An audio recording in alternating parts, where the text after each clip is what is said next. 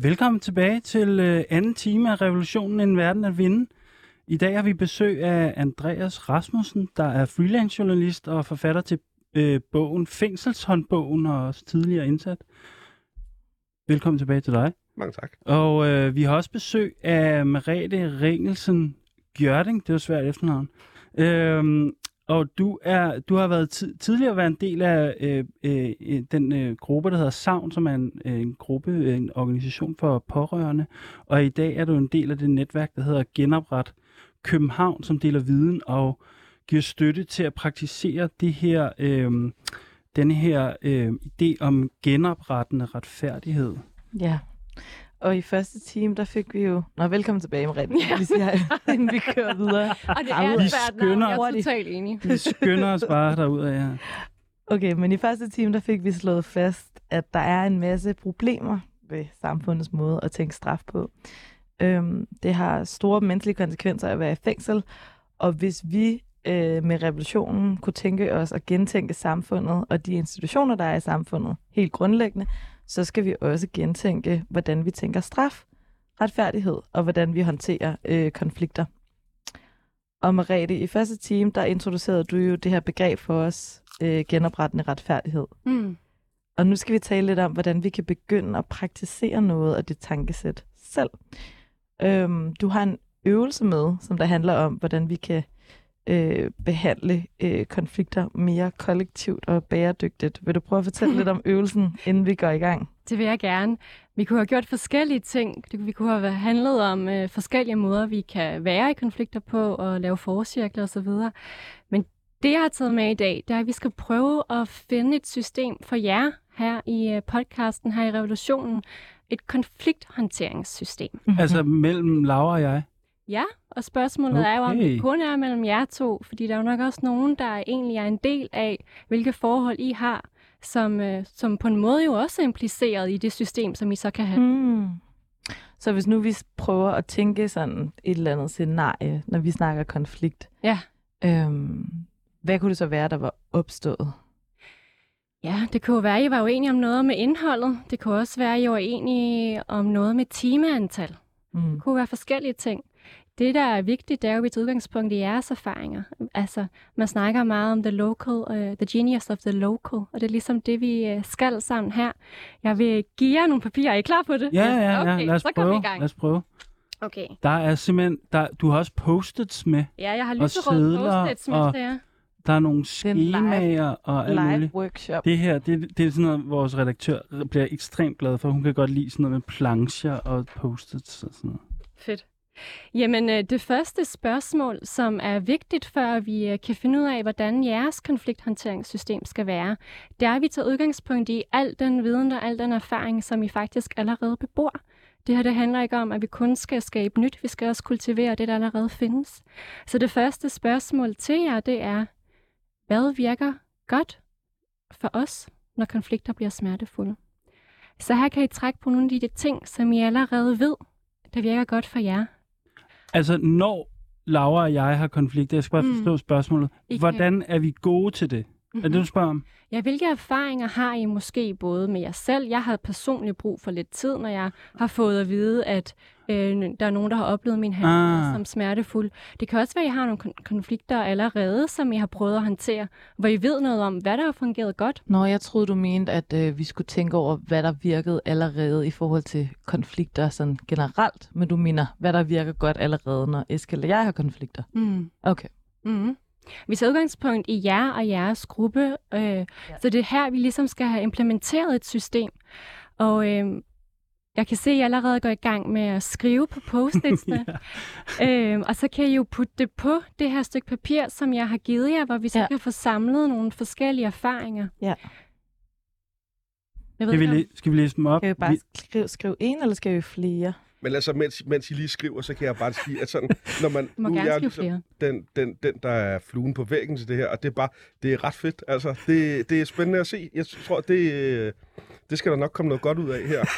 Jeg tænker, at det er vigtigt, at I i hvert fald laver to post-its hver. Okay. Jeg er ikke ekspert i det, men det tror jeg. Vi okay. kan godt gå med to post-its-reglen, der har jeg det helt fint med. Okay, jeg, jeg har lidt svært med... Med jeg har skrevet to. Okay. M- må jeg ikke kigge efter, vel? Jeg har, jeg har kun skrevet en.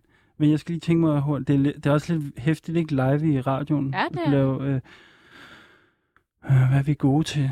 Altså, jo. Eller hvad oplever du selv, at du har brug for, der gør, at du optræder mere ansvarligt i de konflikter, du er en del af?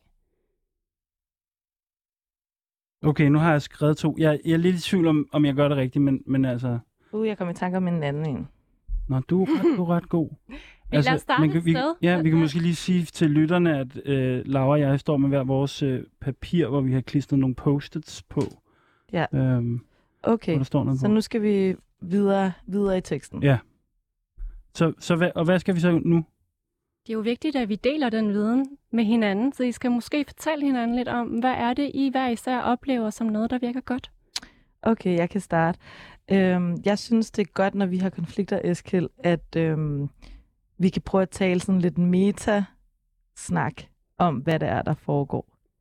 Så, så lige at træde et skridt tilbage, og så ligesom prøve at se det sådan udefra, og så, siger, og så sige sådan, Nå, men jeg tror, at det, der sker, det er, at øh, jeg er meget hurtig øh, til at svare på en mail, når den kommer.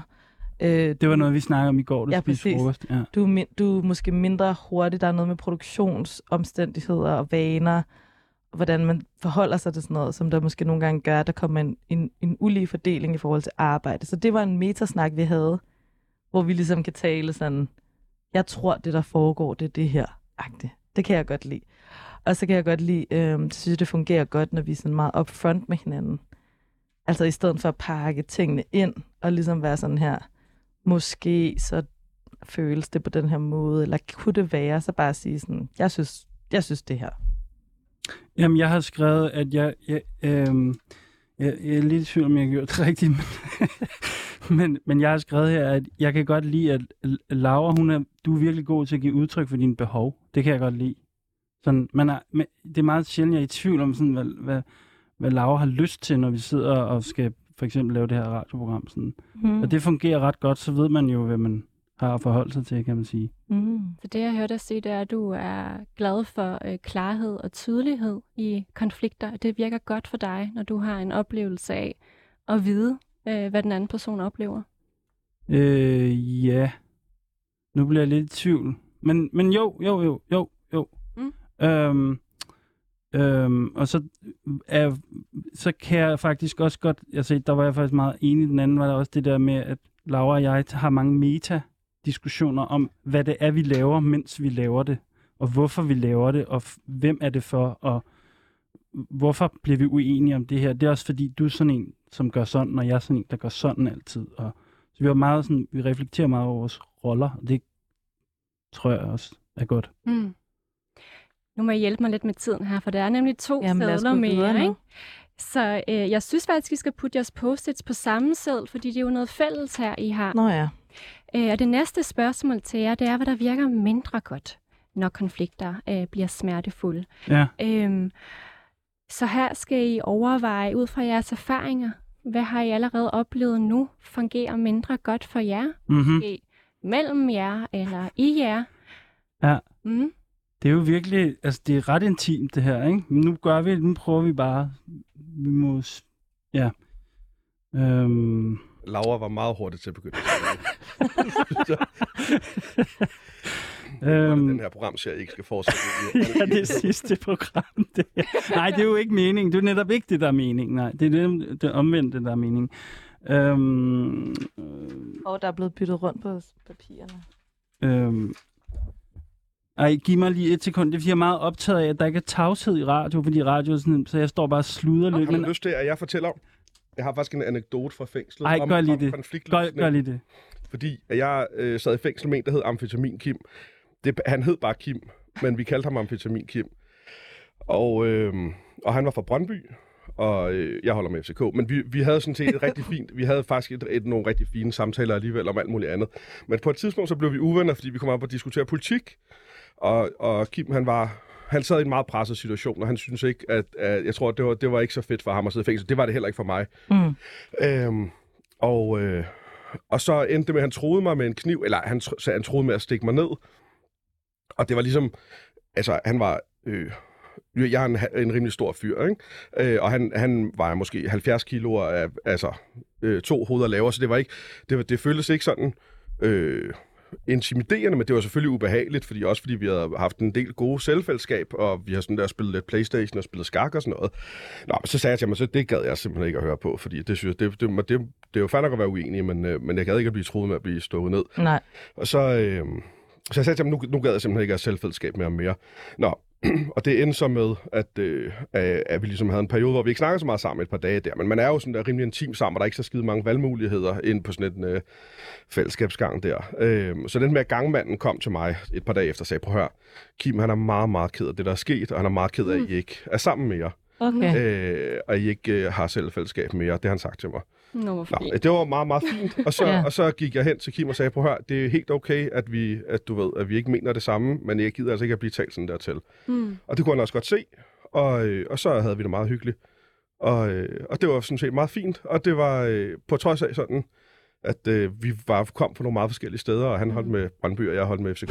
og, og, og vi ikke mente, altså, så det var bare, det var bare, det var bare meget fint, at- og på en eller anden måde, så Ja, sådan, ja. at på trods af, at de rammer, det var, og nu tænker måske, at folks fordom om, hvordan Mm. konflikter løser sig i et fængsel, Mm. så, øh, Der var der faktisk en maler, gangmanden Ja, hævet ind som maler der. der. spil der. Det lød rigtig godt, og Ja. sådan var en, der kunne hjælpe lidt med noget sprog og så videre. Mm. Men nu skal vi faktisk tale om, øh, tilbage til øvelsen, Åh, nu ja. skal vi tale om, hvad der virker mindre godt, når konflikter bliver smertefulde. Og Eskild og jeg har skrevet nogle øvelser, eller nogle slået røv, nogle ting ned på post-it, som Ja. jeg tænker, der fungerer mindre godt. Skal jeg starte med at læse op?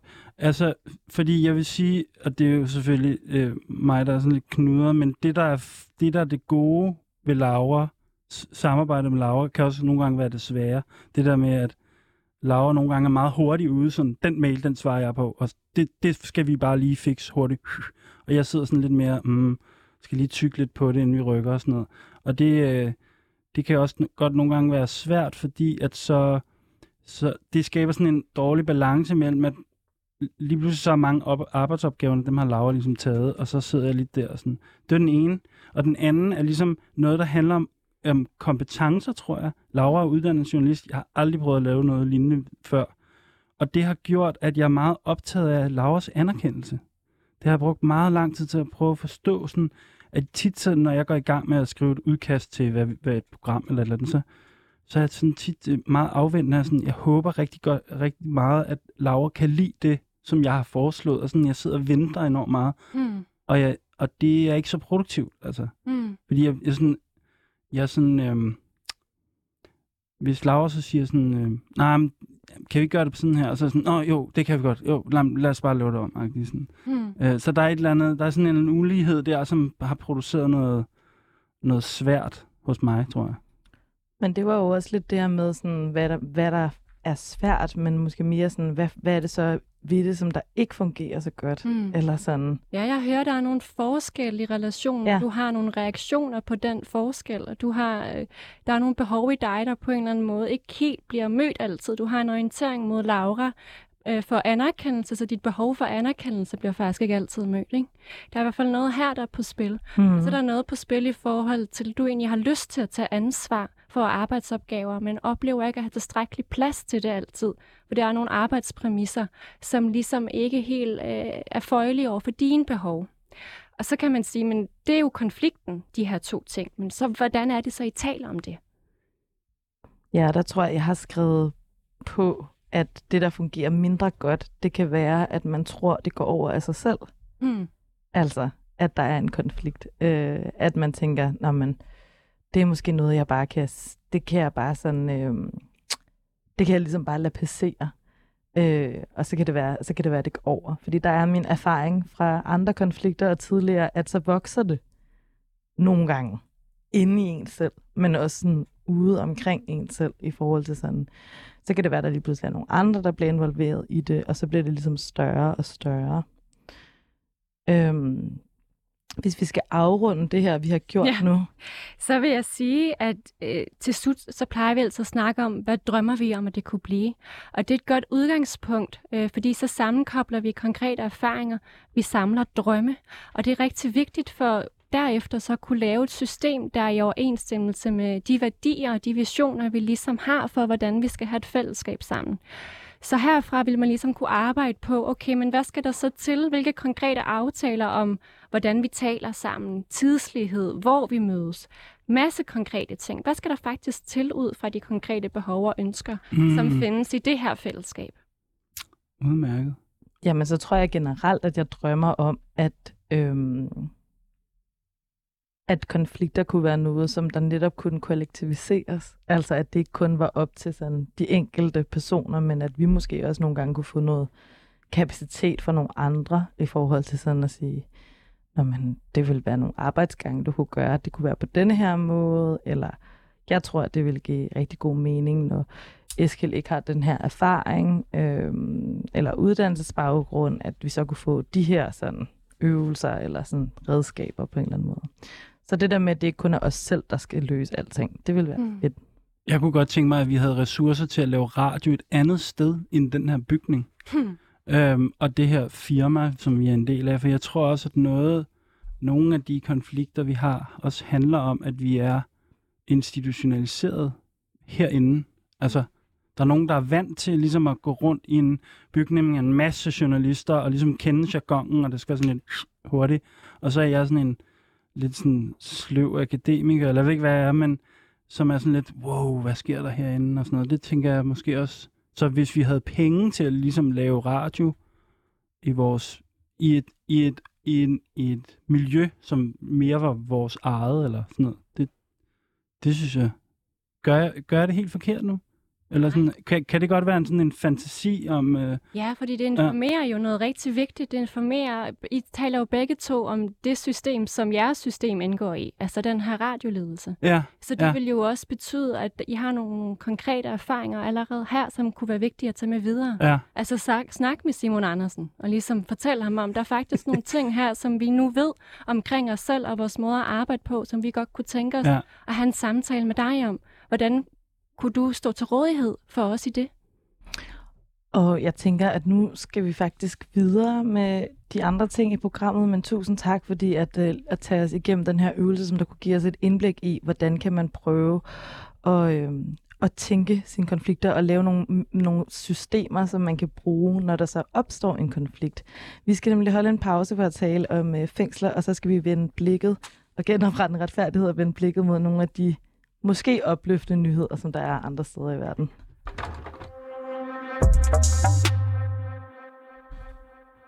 På bagkant af forslaget om at genintroducere abortforbuddet i USA, der var der nogle anarkistiske grupper, som der hurtigt begyndte at organisere sig. Og der cirkulerede opskrifter på sociale medier med, hvordan man kunne lave hjemmelavede abortpræparater, øhm, som der øh, blev lavet af nogle anarkistiske lægefaglige. Og øhm, de her opskrifter de er blevet udviklet af en teknologiinteresseret anarkistisk gruppe, som der hedder The Four Thieves Vinegar Collective, som der blandt andet udvikler DIY-medicin som et led i at gøre sig uafhængig af medicinalindustrien i USA. Og det skriver Vice. Og i søndags, der kunne man se øh, mange hundrede madudbringningsbud ansat i firmaet Deliveroo i Dubai strække.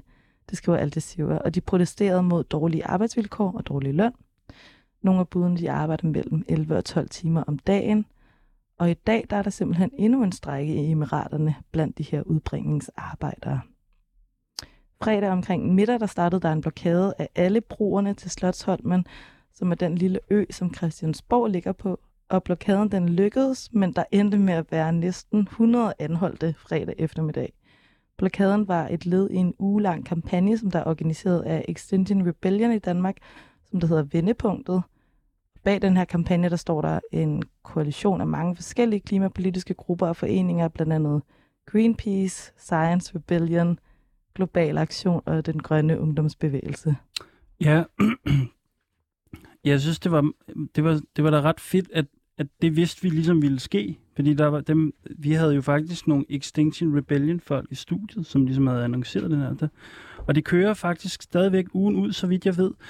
Øhm, og det, jeg synes, der var rigtig opløftende, som øhm, er det her med, at klimabevægelsen eller klimaretfærdighedsbevægelsen faktisk bliver bredere og bredere. Det er nogle, rigt, nogle ret stærke koalitioner, som, øhm, som bliver, som bliver bygget. Og det er, lidt, det er ret sjældent at se en chefredaktør, Rune Lykkeberg, øh, og en af Danmarks mest kendte forfattere, Carsten Jensen, ligesom være sammen med aktivister, der laver ulydighedsaktioner. Det synes jeg alligevel siger noget om, om klimabevægelsens sådan, øh, forsøg på at bygge alliancer og sådan noget. Og noget andet, jeg lagde mærke til i forhold til øh, den her uges aktiviteter og aktioner, var, at det politiske indhold i, i øh, klimabevægelsen bliver mere og mere sofistikeret, kan man sige. Altså, de prøver at binde forskellige kampe sammen, klassekamp, antiracisme, dekoloniale måder at tænke klimakrisen på. Så det synes jeg var det synes jeg er rigtig opløftende, faktisk. Ja, og med de ord, så var det nogle eksempler på nyheder og begivenheder ude i verden, som vi tænker, der kan vække lidt inspiration eller begejstring.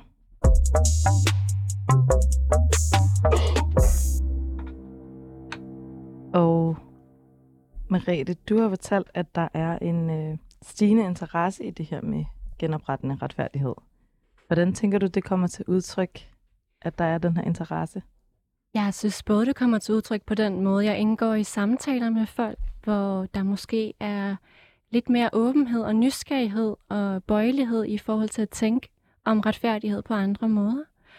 Og jeg oplever også, at vi i vores gruppe får flere henvendelser fra øh, kollektiver, institutioner øh, og øh, vennegrupper, som gerne vil gøre noget anderledes. Så jeg tænker, at der er en ny bølge på vej, øh, som vi står i nu, og at der åbner sig en hel masse muligheder i det. Nu kommer jeg bare lige til at tænke på, at, at du, siger, du siger det her med, at der er, der er flere, der rækker ud til jer som gruppe. Øhm, kan man på en eller anden måde være med til at være en kapacitet i jeres gruppe? Altså kan man, mm. kan man blive involveret på en eller anden måde? Mm. Ja, altså vi har en ret åben måde, man kan blive øh, medlem på. Så vi holder som sagt nogle øvesessioner og en sådan mm, ja, regel, eller i hvert fald en eller anden form for praksis, er, at man skal gerne komme nogle gange til det. Og hvis man så har yderligere interesse i at være en del af netværket, og ligesom være en del af nogle andre diskussioner, og måske også være en del af det selv at praktisere som facilitator, eller som nogen, der holder workshops, så kan man komme med til vores netværksmøder. Men jeg skal, lige, meget åbenhed for. jeg skal lige forstå, altså hvis, er, er det sådan, at hvis man har en eller anden konflikt, som man har besvær med, Øh, i en eller anden gruppe, eller man har, men er der et eller andet fællesskab, som ikke kan løse sin konflikt, kan man så ringe til jer, og så kan I altså hjælpe? Ja, så frem vi har ressourcer til det, og så frem vi har villighed til det, ja. Mm. så okay. vil vi gerne. Det var netop det, jeg tænkte, at, at det, det lyder som om, at der er en, der er en stigende grad af, altså, af folk, som der faktisk henvender sig og godt kunne bruge noget hjælp, så det er måske også meget godt at tænke, hvordan, hvordan kan der også komme flere kræfter ind i den øh, organisering, når den øh, interesse ligesom er der. Øhm, nu har vi talt lidt om, at, at det findes i nogle aktivistiske miljøer, den her interesse og vennegrupper og sådan noget, men er der noget eksempel på, at der er en mere sådan institutionel brug af det her genoprettende retfærdighed øhm, noget sted? Ja, i Danmark kan vi se, at der er etableret konfliktråd, men det ligger ligesom under politiet som organisering, og det er der så kræfter, der prøver at ændre på. Øh, men det er jo en meget bestemt form for maling, Jeg vil ikke sige det genoprettende retfærdighed, men det er en meget bestemt form for maling, der er på spil her, hvor man ligesom har øh, to parter, og der skal samtidig være en straffesag, og det kan jo i høj grad påvirke øh, villigheden. Det kan i høj grad påvirke ens evne til og lyst til at vil kigge på, okay, men hvad har man faktisk begået, som har været smertefuldt, for det kan jo samtidig indgå i en straffesag, osv. osv. Det er orienteret omkring øh, en aftale, og ikke så meget omkring en, en proces.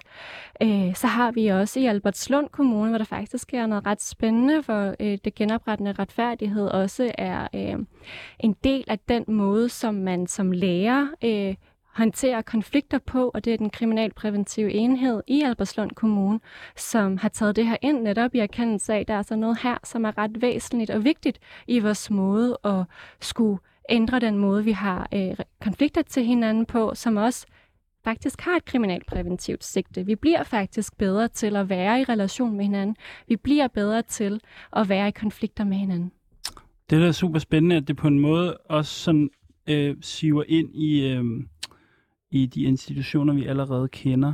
Øh, men Andreas, jeg, jeg, jeg, tænkte, jeg kunne godt tænke mig at få dig lidt på banen her igen. Andreas var så sød at skænke vand op til os. Mm. Øh, men men øh, altså, prøve ligesom, om vi kan løfte ligesom den her diskussion om genoprettende retfærdighed over i den situation, du var i dengang. Og til lyttere, som ikke lyttede med i første time, så kan vi jo lige nævne kort, at du, øh, du blev jo fængslet og var i en meget lang varetægtsfængsling og sad 40 dage i isolation.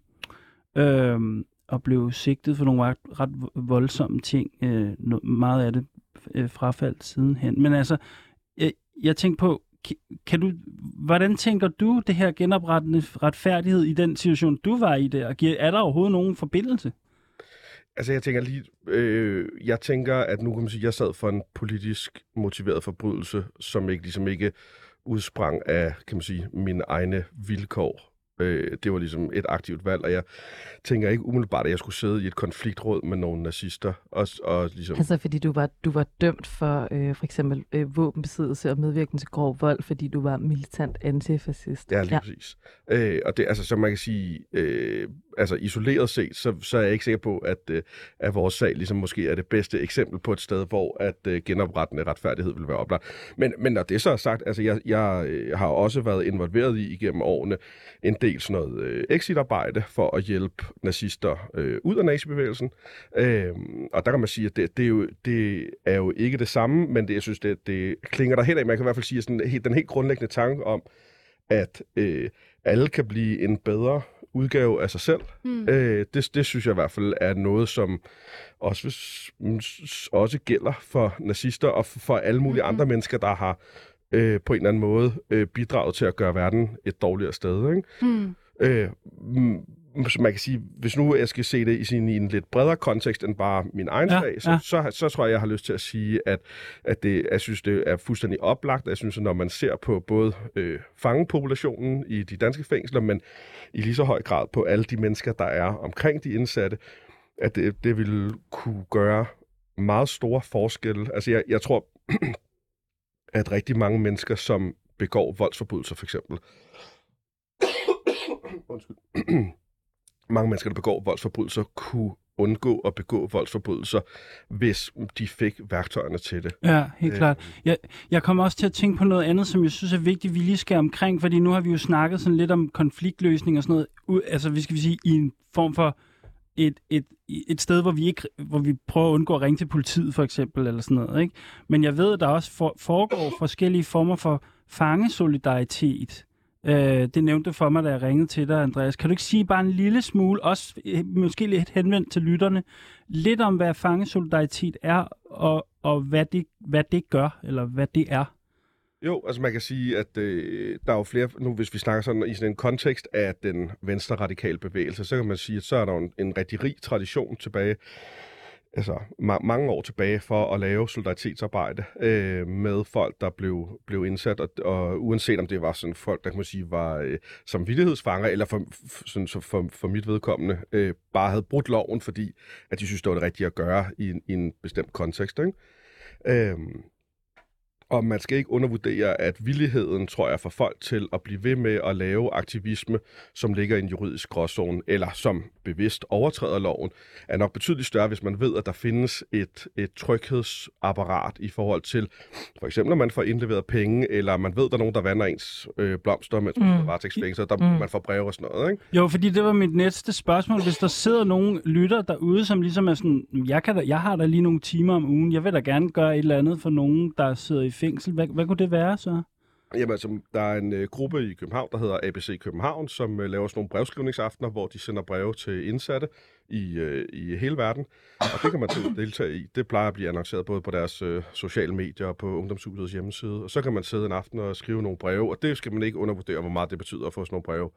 Altså, det var da helt centralt for at holde, for holde, holde, holde mig ligesom... Øh, kørende igennem den der varetægtsfængsling. Jeg kan huske, jeg har nemlig også selv skrevet et par enkelte af sådan nogle breve der, øhm, og jeg kan huske også til folk, jeg ikke kender, mm. Øh, men, og der har jeg altid været sådan, ah, kan man det? Men der har jeg altså virkelig fået at vide, sådan, det skal man. Mm. Det, det, er, li- det, det er ikke ligegyldigt, men det er, man kan sagtens skrive folk til, breve til folk, man ikke kender, og det, har, det, kan, det kan have en betydning alligevel. Jeg det tror, kan, jeg tror sådan set, der har en større betydning at modtage brev fra nogen, du ikke kender, end at få for din nærmeste. Altså, øh, jeg tror, at min allerbedste ven, han sendte ikke et eneste brev, men mens jeg sad bare Jeg vidste jo godt, at det var, fordi han havde rigeligt, rigeligt andet om ørerne, og det, og det var ligesom en, eller ikke en forventning fra min side.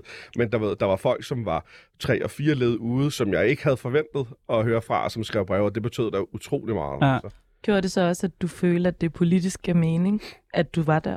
Ja, og, og det føl- gav i hvert fald også en følelse af ikke at være alene. Altså man kan sige, når man sidder i isolationsfængsel, så føler man sig legit rigtig ensom. Ikke? Altså det er 23 timer i døgnet alene. Ikke? Øh, og øh, ja, der er typisk jo 24 timer i døgnet i virkeligheden.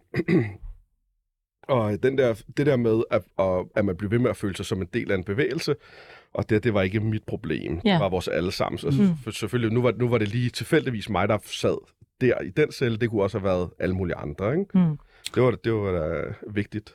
Udmærket. Og med den øh, opfordring til lytterne om at huske at skrive breve til, til folk, der sidder i fængsel, så øh, hopper vi videre.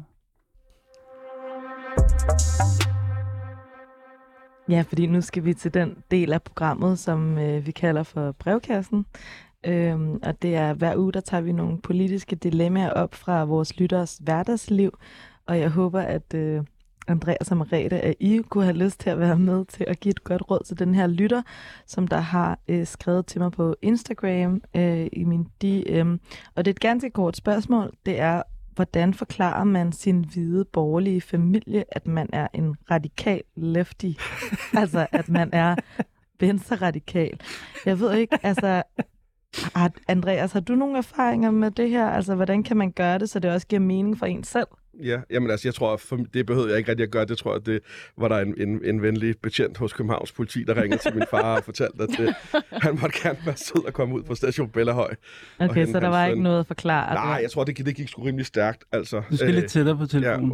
telefonen. telefonen. undskyld. Ja, hvad hedder det? Øhm, øh, jeg ble- blev anholdt en del gange i min meget tidlige teenageår, og det var ligesom, øh, mine forældre mener ikke det samme som mig, altså, men øh, det var ligesom, tror jeg bare, det, det var ikke rigtigt til forhandling, altså, det var sådan, jeg gjorde, og det, Men hvis man nu kunne tænke sig at være sådan lidt intentionel omkring det, hvis den her person ikke sidder på station Bellahøj, og, øh, og øh, politiet ringer hjem, men at man godt kunne tænke sig at have en, en snak om, hvor man lige er politisk, men man ved, de er et meget andet sted. Altså, har- har du nogle gode bud på det her, Merete? Altså, Jamen, jeg tror i hvert fald, jeg først vil starte med at lave lidt sådan en selvrensagelse. Hvad er, det, hvad er det, jeg selv gerne vil med det her? Hvad er det, jeg gerne vil, vil have ud af at forklare min familie det? Er Ja. det at blive set, eller at blive accepteret? Er det, fordi jeg egentlig ønsker at ændre nogle familiepraksiser? Og ligesom ud fra det, så kan man jo så finde ud af, okay, men hvordan skal jeg så formidle det her? Hvad er mit Ja. ja. behov? Det ved jeg nu.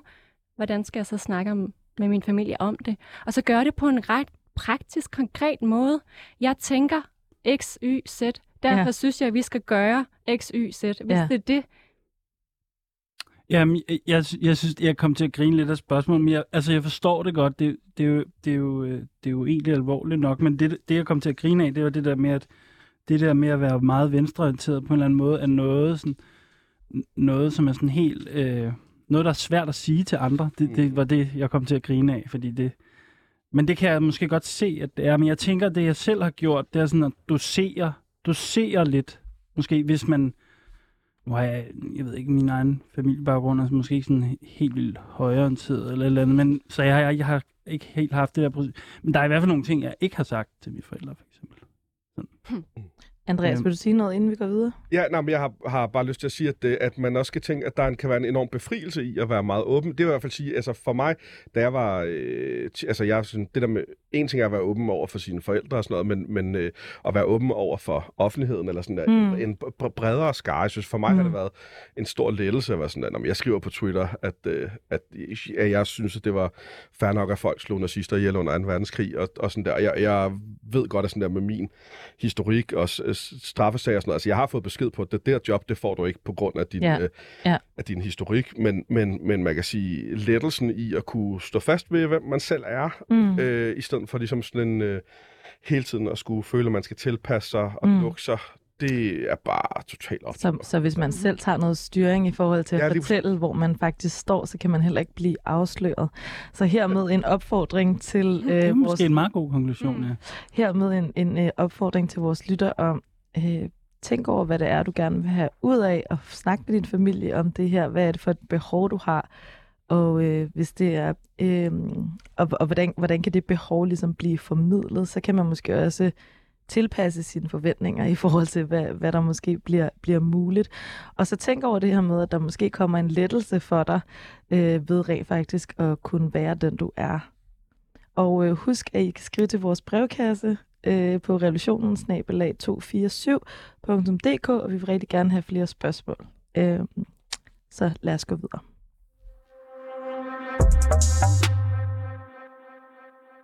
Ja, og øh, nu skal vi til en af de ting, som jeg altid elsker ved vores, øh, vores lille radioprogram her. I, nu skal vi til at tænke utopisk. Yay! Øh, og øh, det er godt, der er, der, er- der er begejstring øh, i studiet.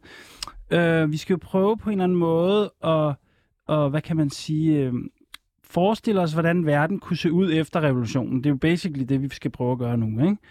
Øh, med dagens tema, og det er jo hele det her spørgsmål om konflikter, straf, politi, fængsel og sådan noget, ikke? Og jeg tænker ikke, at vi er på det hold, at efter revolutionen, der lever vi sådan et, der går vi rundt i bar røv og, og er slet ikke uvenner mere, mm. eller sådan et eller andet. Ikke? Det er jo ikke paradis. Sådan, sådan tænker jeg trods alt ikke revolutionen. Så der vil stadigvæk være konflikter efter revolutionen. Så spørgsmålet er på en måde sådan, øhm, hvordan gør vi det? Sådan, ikke? Så min første spørgsmål er faktisk meget simpelt. Er der politi efter revolutionen? Shit, det er Ikke i den form, som vi har endnu i hvert fald. Altså, der er sådan en ret sjovt scene, der hedder Fuck the cops means we don't act like police to watch each other. Som jeg synes mm. Mm. var sådan, har en meget fin pondus i, at hvis vi faktisk reelt set vil noget andet med den måde, vi relaterer til hinanden på, så skal vi ikke gå rundt og samle beviser og anklage hinanden, men vi har en helt anden interesse og en nysgerrighed omkring hinandens handlinger. Mm-hmm. Og så vil jeg sige, at det er jo ikke en negativ ting, der vil være konflikter efter revolutionen. God pointe. Altså, det er jo faktisk positivt, at der også er konflikter, fordi det er jo også et udviklingspotentiale, der ligger der. Og vi er forskellige. God pointe. Andreas, du sagde, du, havde, du, du var sådan, puh, den er svær, den her. Ja, ja, men det tror jeg, det er fordi, at når man snakker om det her med om sådan øh, fængselsabolitionisme eller øh, sådan øh, alternative måder at tænke retfærdigheder på, så bliver det hurtigt sådan, Åh, hvad med Peter Madsen? Ikke? Og hvor det sådan, jamen, Altså, så hvis vi skal afskaffe fængsler, hvad gør vi så med sådan nogle Ja. øh, personer, som der myrder øh, andre mennesker på Præcis. en mobil, mobil vis? præcis. Mm. Og, det, og der, der, der er problemet, når jeg siger... Øh, når jeg ikke lige ved, hvad jeg skal sige her, så er det fordi, at det, det, er, jo, det er jo en legitim indvending, Mm-hmm. og, og, det, og, og noget, som man bliver nødt til at, at tage seriøst, eller sådan der, Mm. at, det, at der er jo mennesker, som øh, er så ikke velfungerende, at, Mm. øh, at, at det her, det er noget, der er en reel risiko, ikke? Mm. Og derfor tror jeg også, at det der noget med at tænke sådan, at øh, dårlige vaner og rutiner, det er jo også noget, der kan tage flere generationer at få... Øh, og, og, og, ligesom at, at arbejde ud. Mhm. Altså, pointe. Øh, altså uanset om man, om man snakker nu, nu øh, altså hvordan folks opvækst er, at, det, at sådan nogle ting har en tendens til at gå i arv, ikke? Øh, og, det, og det tror jeg, man skal tænke på, at det er jo en kultur og, øh, og en måde at være sammen med andre mennesker på, som skal forandres, og det er ikke noget, man gør på tre måneder. Altså Mhm. det er ikke stormen på Vinterpaladset. Det, det, er jo, det er jo et arbejde, som vil tage 10 og 20 og 30 år at transformere, hvordan er vi sammen med hinanden som mennesker. Ikke? Men forhåbentlig også, at, det, at de rammer, altså både de økonomiske og alle mulige andre rammer, som vi lever vores liv under, som er dem, der er med til at skabe øh, det, den desperation, der for eksempel leder til, til øh, nogle forbrydelser, øh, forhåbentlig jo også vil bidrage til at, at gøre det, øh, altså at begrænse mængden af, øh, nu, nu tænker jeg for eksempel personfarlige forbrydelser. Ikke? Ja. Ja. Om det er jo, det, men- altså, jeg er helt med på, det er jo en super svær dis- diskussion. Det er derfor, vi skal have den her. Mm. Ikke? Øh, sådan, øh, men jeg har gået og tænkt meget over det her med politi og så videre. Altså, fordi så har jeg tænkt sådan, det kunne være måske en opgave, der gik på turnus. Mm. Altså det her med, øh, nu bruger jeg eksemplet for tredje gang, ikke? det er ikke sådan, at efter revolutionen, at, øh, at vi ikke kommer til at drikke os for fulde og, og, og kommer op og slås, eller har konflikter med hinanden, som er sådan virkelig destruktiv og ødelægger vores sociale fællesskaber. Men så kunne det være, det, hvad skal vi sige, den reproduktionsfunktion, det er at skille folk ad og sige, prøv at, du, du bliver nødt til at komme til den her fest øh, det næste stykke tid, fordi du har altså lige nogle ting, du skal have styr på, før du må komme tilbage eller et eller andet. At det var ligesom en opgave, der kunne gå på tur, eller hvad ved, øh, forstår jeg lidt, hvor jeg vil hen, så man ligesom delte det ud, eller... Ja, jeg tænker, at det giver mening at tale om, okay, hvis vi ikke selv har ressourcerne til at ordne noget, hvem kan vi så hive fat på? Hvad skal vores hotline være? Og jeg tror måske mere, jeg ser, at det skal være nogle personer med nogle meget stærke sociale og pædagogiske ressourcer, måske også selvforsvarsressourcer, som ja. skal hives ind, og som også ved, hvordan man så håndterer den skade og den konflikt, der den er sket, god. som det ikke starter og slutter til den fest, men god der ligesom er noget videre også. Og, og jeg tænker, Ja, nej, du, du ja, jamen, jeg har bare lyst til at sige, at uh, i, no, i nogle områder, uh, der har, altså i Danmark, der har man jo valgt at, uh, øh, at involvere øh, hvad hedder det, psykiatrisk specialuddannet sygeplejersker, mm. når, når der er borgere, der skal tvangsindlægges, og så kan vi have en, en, en anden diskussion om tvangsindlæggelser på et andet tidspunkt. Men i stedet for, at det er to unge betjente, der kommer der ud, og det eneste værktøj, de har, det er peberspray-pistoler. Ikke? Øh, og, og, og det synes jeg, det er jo ikke fordi, at det er nok, men jeg synes, det, det siger alligevel noget om, at øh, øh, der er mange forskellige typer fagligheder og, og ekspertiser og, og øh, no, nogen, der er uddannet øh, sygeplejerske inden for det psykiatriske felt, de er nok bedre kvalificeret til det. Og, og, øh, og, og i, i forbindelse med det der, så tænker jeg sådan, hvad er det ligesom for nogle ressourcer, som vi så skal, som vi så skal mobilisere for, mm. at vi kan løse konflikter på en anden måde? Altså, forestil dig, hvis det blev på din måde, hvis, mm. vi, eller I to, ikke? hvis I to kunne organisere samfundet omkring det her problem, hvordan skulle det så se ud? Ah, Forstår du, hvad jeg mener? Ja, det er så fantastisk et spørgsmål også. Øh, altså, jeg har haft en ret stor fest med mig selv derhjemme, hvor jeg skulle tænke over de her ting, og det gav ret meget mening i samtalen med Laura, at der er jo både det forhold, der hedder den ændring, der er sket i os selv, den ændring, der er sket i vores relationer eller fællesskaber, og den ændring, der er sket i vores øh, strukturer, i vores måder at have et samfund på. Men nogle af de ting, der i hvert fald er anderledes i os selv, det er, at vi har en helt anden selvkærlighed. Vi har en helt anden måde at bære os selv på. Så når folk fortæller os, at de har, vi har gjort noget, som de har oplevet så meget smertefuldt, så har vi faktisk ressourcerne til at være i det. Mm. Vi har et helt andet kropsligt kendskab. Vi ved, hvordan vores nervesystem og hvordan vores egne erfaringer ligesom påvirker den måde, vi er i relation til andre mennesker på. Og bare lige for, for at følge op på det, sådan, for at prøve at oversætte det, så jeg selv forstår det. Mm. Altså det, du siger, det er, at i det, i, et, i det nye samfund, der vil, der vil det at få at vide, at man har gjort noget ubehageligt, eller krænket en anden, et andet menneske, det vil ikke være noget, som man sådan går helt i baglås over. Er det, er det lidt det, du mener? Lige præcis. Ja. Også fordi vi ikke længere har den her binære tankegang omkring god, ond, overfor gerningspersonen. Ah, det er rigtig godt, det vi her. Vi tænker det ret meget anderledes. Ja, vi har en forståelse ja. af, at tingene er meget mere nuancerede og sammenhængende. Og det er vigtigt i også at meget bedre kunne håndtere, at ah, der var en handling her, der egentlig ikke var god, men det er ikke mig som person. At det er ikke mig, der ligesom skal ødelægges. Det er mine handlinger, jeg faktisk skal lære at kultivere lidt anderledes. Der er nogle ting, jeg ligesom skal have oparbejdet. Og det, det er jo virkelig, virkelig, virkelig spændende, det der. Så, men det, men det, jeg tænker også, at den her måde at tænke på, er også en, det kræver på en måde også noget mere af os som individer eller ja. og som fællesskab. Ja, det kan du ikke det. sige noget mere om det? Altså, hvad, hvad, hvad er det for nogle slags kompetencer, eller hvad er det for nogle slags mennesker, mm. vi, skal, vi skal uddanne os til at være i sådan et type samfund? Vi ser os selv som medansvarlige i, at de konflikter, der foregår, øh, skal vi skabe nogle gode strukturer for at kunne håndtere. Så du har ret i, at der er et kæmpemæssigt øh, arbejde i at få opbygget noget af det, som lige nu ikke får så meget plads. Så som Andreas også allerede har sagt, så er den her transformering en transformering, der foregår over lang tid, hvor vi får opdyrket det, som nu ikke eksisterer, og det, som allerede findes men i små portioner. Øhm, vi lærer også, hvordan vi skal opdrage vores børn anderledes. Vi, det her straffeparadigme breder sig også ud på andre måder, øh, i andre relationer, i andre strukturer, så vi finder jo også ud af andre måder, hvor vi kan bistå i en opdragelse uden at tænke straf.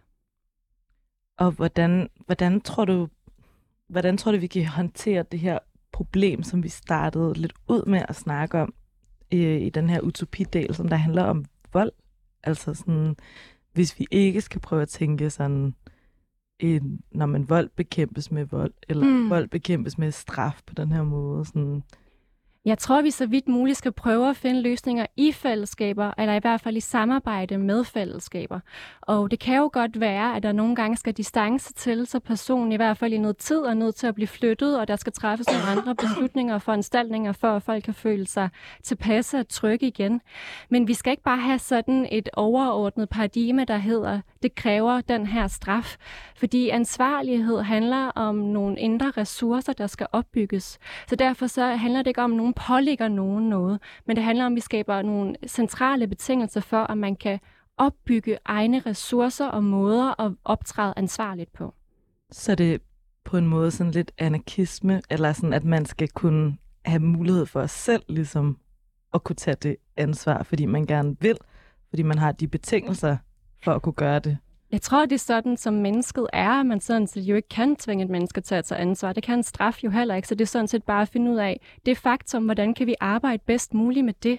Og det kan vi ved at finde ud af øh, at tage udgangspunktet i, jamen hvad skal der til for det her menneske bedst muligt kan blive støttet i processen mod at kunne være mere ansvarlig. Det er ret interessant det der med netop, hvordan man kan komme væk fra den her tankegang om, at hvis man har gjort noget, så er der nogen, som der skal pålægge en, sådan, hvad man så skal gøre for at kunne øh, komme videre, eller en eller anden form for sådan sanktion. Øhm, og jeg tænkte også bare lige på, at jeg, jeg vil fortælle jer om, at i, i vinters, der var øh, sabbatisterne på besøg i øh, Danmark, og det er den her bevægelse for øh, oprindelige folk, som der startede som et bondeoprør, og de har deres egne øh, autonome, selvstyrede område, på størrelse med Langeland, og de har deres egne skoler, institutioner og valuta og sådan noget. Og fordi de jo har det her selvstyrede område, så skal de jo også finde ud af, hvordan kan vi håndtere netop det her spørgsmål med vold, eller når vi ikke har øh, militær eller politi eller sådan noget, øh, til at, at håndtere konflikter. Og der var de sådan meget... Øh, selvsikre omkring, at, at det altså ikke var det største problem. Altså de havde, øh, det er måske også fordi deres relation til vold er en, en, en helt anden øh, skala, når, når man ligesom er op imod det meksikanske militær. Hmm. Men i hvert fald så, ham, ham som vi talte med, han var heller ikke i tvivl om, at deres konflikthåndteringssystem gav mening. Og de, han fortalte om, at de havde sådan et meget konkret system, hvor de klassificerede forbrydelser øh, forskelligt, så hvis du havde stjålet noget fra nogen, så skulle du give tilbage ved at arbejde for øh, fællesskabet i så og så lang tid. Øh, havde du begået sådan seksuel overgreb mod nogen, så skulle du gøre det på den her måde. Og jeg tror, at det, som jeg træk ud af deres tankemåde, som der fik mig til at tænke sådan, hvad kan vi, kan vi, kan vi lære noget af det her? Det var i hvert fald, at alle fik faktisk mulighed for at stadig være en del af fællesskabet. Mm. Men de skulle også vise, at de gerne ville være en del af fællesskabet, og mm. ligesom vise, at de havde gjort noget forkert, altså sådan begået, begået en forbrydelse på en eller anden måde imod fællesskabet og, og de rammer, som der var. Øhm, men så, men, men, men så ligesom sådan stadigvæk kunne være med. Så noget mm. andet end det her med sådan øh, eksklusion, ikke? Jo. Men jeg tror også, vi skal være modige at sige, at selv efter øh, revolutionen, så vil der være en eller anden grad af pres eller tvang. Og måske vil der også være en eller anden grad for indespæring. Øh, i de tilfælde, hvor vi ligesom har nogle personer, som vi desværre endnu ikke har fundet ud af bedre måder at øh, håndtere dem på. Men det hele, det vil være fuldstændig centralt, at det vil være i kontakt med, at det her menneske skal støttes bedst muligt i at kunne leve det liv, som det ønsker. Øhm, men vi er nødt til at have de her svære samtaler også om, at de her paradigmer har jo også fejl og mangler. Mm. Og øh, selv inden for paradigmerne kan det jo være gruppepres, for ja. eksempel. Ikke? Og det er også noget, der er en del af den virkelighed. Jeg synes i hvert fald, det er rigtig, det er rigtig spændende at, at prøve at tænke på det her med, hvad, hvad kunne der være i stedet for, hvis alting skulle være helt anderledes. Øhm, men indtil revolutionen, der må vi jo nøjes med nogle af de ressourcer, som der allerede findes. Og der vil jeg bare lige sige, at du kan finde Andreas' bog, Fængselshåndbogen online, som der ligger gratis som pdf til download. Øh, og der kan man simpelthen læse om alt fra, hvad sker der, når man bliver anholdt til grundlovsforhør, til hvordan fungerer det med besøg, hvis du er indsat. Øhm, Husk badetøfler til din ven, der sidder i fængsel. Fængselshåndbogen.dk Fængselshåndbogen.dk Og øh, du kan også få gratis retshjælp hos øh, det, der hedder Retshjælp Rusk, og der findes noget, der hedder Stenbruns Jurister. Og så vil jeg også bare lige fortælle, hvis du har nogle oplevelser med at lave politisk arbejde, som du godt kunne tænke dig at tale med en psykolog om, så kan du skrive til det, der hedder Gadeterapeuterne, som der også hjælper aktivister øh, med samtaler om det. Og så har vi snakket om ABC. Det er en gruppe, man kan følge, som der nogle gange holder nogle aftener, hvor man kan skrive breve til politiske kammerater, som der er i fængsel. Merete og Andreas, I nævnte også en Facebook-gruppe, der hedder Hjerterum, mm. øh, hvor at øh, forskellige pårørende øh, og tidligere pårørende, de hjælper hinanden med at svare på forskellige spørgsmål. Og der findes en pårørende organisation, der hedder Savn. Og øh, så øh, har vi jo det her faste element til sidst, som jo vi prøver at lave et manifest, som dels er en måde at samle op på i programmet, men vi håber jo også på at kunne lave, altså, ja, skrive et manifest en dag. Og, så, og i den forbindelse, der kunne jeg godt tænke mig at spørge vores to gæster her, altså hvis I ligesom, hvis det var jeres manifest, hvad, hvad skulle så, og vi skulle prøve at spidsformulere et par punkter, som handler om det, hele det her spørgsmål omkring konflikt, straf, fængsel. Kunne vi spidsformulere et eller andet politisk øh, princip eller en vigtig idé, som, som skal med i øh, manifestet? Altså, jeg synes i hvert fald som sådan en øh, overgang øh, ind, til, øh, ind til efter revolutionen, ja, ja. så synes jeg, at, øh, at fængsler bør afspejle virkeligheden udenfor. Det mener jeg, at hvis man fri, fratager folk bevægelsesfriheden, så bør man til gengæld give dem alt andet. Altså, hvis folk skal være spærret inde i et fængsel, så bør det være både under nogle fysiske rammer og med nogle muligheder og rettigheder, som er altså tifold, hvad det er, hvad det er i dag. Det er en god, god pointe. Mm. Eller godt enkelt princip, faktisk, ikke? Mm. Øhm, som jo på en måde også følger lidt din idé om, det kan godt være, at vi bliver nødt til indespærring, men hvis vi er nødt til det, så må vi i det mindste sørge for, at det er øh, at det ikke er uudholdeligt. Og man kan eller... få den støtte og hjælp til faktisk at kunne ændre sig på den måde, som man har lyst til. Jeg synes også, at noget af det, som vi er blevet ved med at vende tilbage til, det er det her med, at det ikke er den enkelte mobber, der er problemet. altså, det er ikke den enkelte person, der har begået vold, nødvendigvis, der er problemet. Der er en, der er en hel masse sådan, struktur udenom, som der gør, at man måske begår de handlinger, man gør. Hvordan kan vi prøve at forstå det? Har du noget, du vil tilføje til manifestet, Merete? Mm, jeg tænker på det her med, at øh, relationelle strukturer jo også er en del af en modstandskamp. At det at lave nye relationelle praksiser faktisk også er modstand. Øh, og det også bør indgå som en central del af et manifest.